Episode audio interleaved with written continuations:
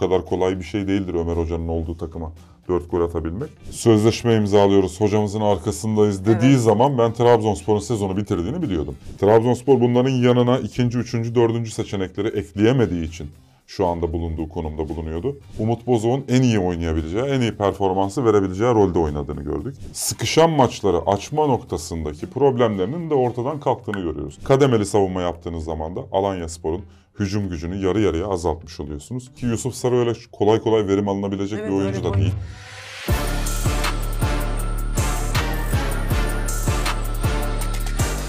Gol var mı ekranlarına? Anadolu Ekspresi'nin yeni bölümüne hoş geldiniz. Bugün e, Anadolu takımlarını konuşmaya devam ediyoruz. Ligin boyu gitgide kısaldı. Artık sonuna yaklaştık diyebiliriz. Trabzonspor Ankara gücü maçını konuşarak başlamak istiyorum. Trabzonspor 2-0'da geçti. Nenat Bielitsa ile birlikte de ilk galibiyetini aldı. Şimdi bu maçta Bielitsa'nın dokunuşlarını görebildik mi? Keza Ankara gücü erken bir kırmızı kartla da 10 kişi kaldı aslında. Maçın neredeyse tamamını 10 kişi oynadı. E, bunun da etkisi var mı? Merak ediyorum. Bielitsa geldi ilk önce dokunuşunu savunma dizilişine yaptı. İlk iki maçını ben gözlem maçı olarak değerlendiriyorum. Daha çok işte bu takımda neler eksik, şimdiye kadar oynadığı strateji, tak, saha içi dizilimi neydi ve bunlarda neleri eksik yapıyor gibi gözlemlemişti. Yani ilk iki maçta ben Bielitsa'nın çok fazla bir şey yaptığını düşünmüyorum. Hani topa baskı konusunda belki ekstra talimatlarda bulunmuştur. Onun dışında takıma net bir dokunuşundan bahsedemeyiz. Evet Ankara gücünün kırmızı kartı var ama şöyle de bir durum söz konusu. Trabzonspor'un bir kere sahaya yayılış biçimi farklıydı. Eren'i çok değişik bir rolde kullandı. Bizim sezon başından beri işte üçlülerden söz ederken anlattığımız X faktörü Eren gösterdi bize. Eren'i X faktör olarak kullandı savunmada Bielitsa. Ben Trabzonspor'un bu e, yeni mantalitesini açıkçası beğendim. Ve Trabzonspor'un seneye şayet e, çok böyle olağanüstü durumlar söz konusu olmazsa Trabzonspor'un seneye çok keyifli bir takım olacağını düşünüyorum. Ankara Gücü Lig'in savunma anlamında, karşılama anlamında, pres sistematiği anlamında oynanması zor takımlarından bir tanesi. Ama kırmızı kartonları tabii e, çok çabuk düşürdü. Kendi düzenlerinin dışına çıkmak zorunda kaldılar. Oyunun ancak %30'luk kısmında var olabildiler ve Trabzonspor'u sadece karşılamaya çalıştılar. Trabzonspor çok ciddi bir dominasyon kurdu Ankara gücü karşısında. E tabi maçları öncesinde değerlendirirken böyle 3. 5. dakikada 10. dakikada kırmızı kart görmeyi işte 15. dakikada kurguların tamamıyla değişmek zorunda olduğunu hesaplayamıyorsunuz. Ben Ankara gücünün Trabzonspor'a ciddi zorluk çıkartacağını düşünüyorum. Bielitsa rakip eksik kaldıktan sonra kendisi de oyunun momentumunu eline aldıktan sonra saha içerisinde farklı varyasyonlar denedi. Yay civarına normal şartlar altında çok fazla girmeyen topu oraya atan oyuncuları o bölgeye yönlendirdi mesela. Bu dikkat çeken detaylardan bir tanesiydi. Umut Bozok Kasımpaşa'da başarılı olduğu rolün aynısıyla görevlendirildi. Sahada bununla yer aldı. İşte o neydi? Kasımpaşa'dayken nasıl oynuyorlardı? Muleka ile ikisi mutlaka bir arada forma giyiyorlardı. Bir tanesi santrfor vazifesini ön alanda icra ederken, stoperleri onlar meşgul ederken Umut öne doğru çıktıktan sonra geri çekilip boşa çıkan ve bitiren adam oluyordu.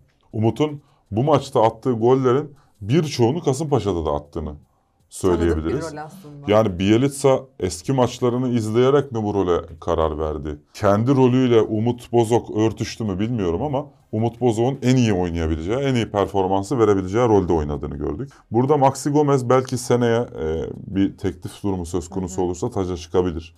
Maxi Gomez gönderilip yerine daha farklı bir santrfor türevi getirilebilir. Ben Trabzonspor'un bu senesinin zaten bittiğini, Abdullah Avcı'nın Yönetim şey demişti hatırlarsınız. Sözleşme imzalıyoruz, hocamızın arkasındayız dediği Evet. zaman ben Trabzonspor'un sezonu bitirdiğini biliyordum. O hocamızın arkasındayız lafı zaten genelde bir çanlar o zaman çalıyor. Devre arasında yeni hamleler yapacağız. Bundan sonraki işte biz bu hocayla şampiyon olduk falan dendiği noktada Trabzonspor bu sezonu bitirdi. Önümüzdeki sezona göre hareket edecekti. E, o ara geçiş süre Bielitsa gelene kadar olan süreçte de boşu boşuna zaman kaybetti Trabzonspor. Ha belki görüşmeler uzamıştır. Ona bir şey Olabilir tabii diyemiyorum. ki onda da. Şimdi Trabzonspor şayet e, tribününü kontrol altına alabilirse önümüzdeki sene keyifli bir Trabzonspor izleyeceğiz. Rakipler açısından karşılanması zor bir takım olacak. Sahayı daha geniş alanda kullanan bir Trabzonspor olacak. Trabzonspor'un eksik olmadığı noktalardan bir tanesi toplu oynama konusu. Ligin en fazla pas yapan takımlarından birisi. Ligin en fazla set hücumu yapan takımlarından bir, bir tanesi. Trabzonspor bunların yanına ikinci, üçüncü, dördüncü seçenekleri ekleyemediği için şu anda bulunduğu konumda bulunuyordu. Onu da eklemek için doğru isimle buluştular bence.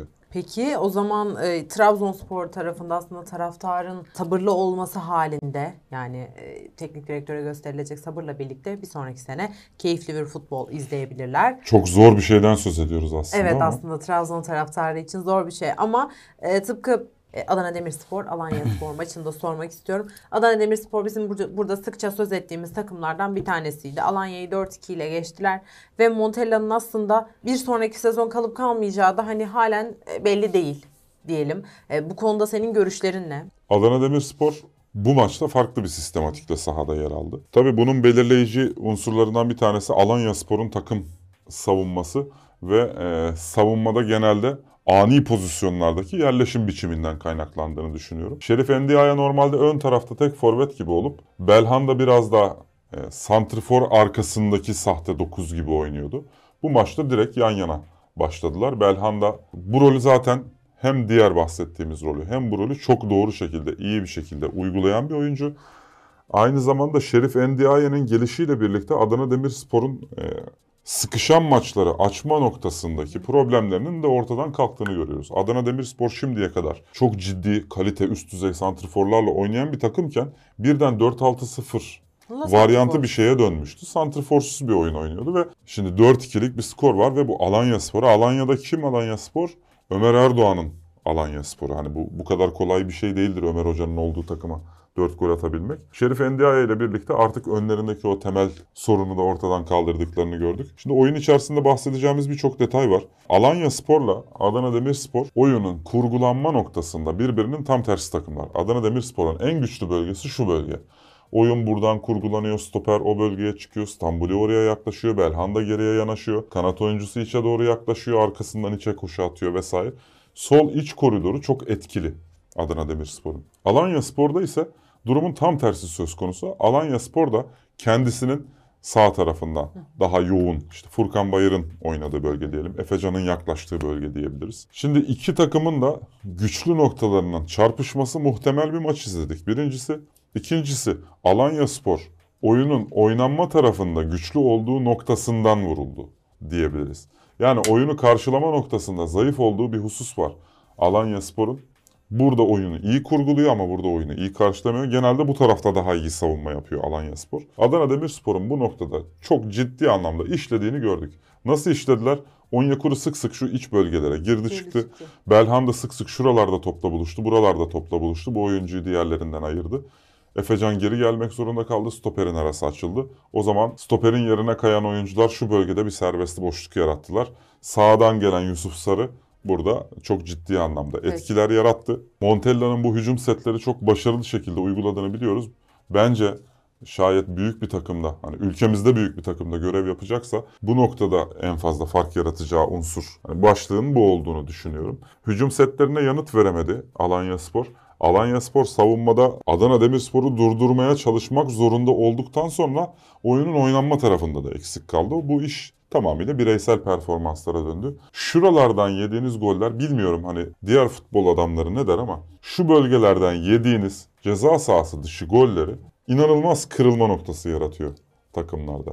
Oyun sol taraftan akarken sağdan gelen bir oyuncunun şuradan sizin savunmanızı zafiyete uğratması öbür taraftan da ekstra tedbirler almanız gerektiği hissiyatını yaratıyor. Dolayısıyla daha tedirgin oluyorsunuz. Savunma daha geride konumlanmak zorunda kalıyor. Geride konumlanan savunma Efecan çok hareketli, mobil bir oyuncu.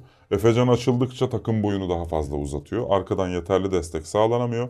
Kademeli savunma yaptığınız zaman da Alanya Spor'un hücum gücünü yarı yarıya azaltmış oluyorsunuz. Ben Montella'nın maç stratejisini, saha içerisinde oyuncuların konumlanma biçimlerini, atağı sol taraftan akıtırken sağ tarafta kurgulanan hücum mantalitesini, Yusuf Sarı'nın kullanılma biçimi ki Yusuf Sarı öyle kolay kolay verim alınabilecek Evet, bir oyuncu da oyuncu değil.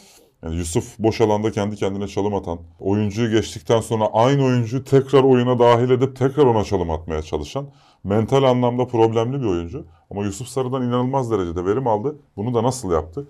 Oyunu ters tarafından akıtarak Yusuf'u 3. bölgede minimum sürede maksimum düzeyde topla buluşturarak yaptı. İşte bunların her birisi teknik Teknik direktör hamlesidir. Teşekkür ediyorum bugün e, eklediklerim ve aktardıkların için. Sizler de Anadolu Ekspres programına dair e, sorularınız varsa bunları yorumlarda belirtebilirsiniz.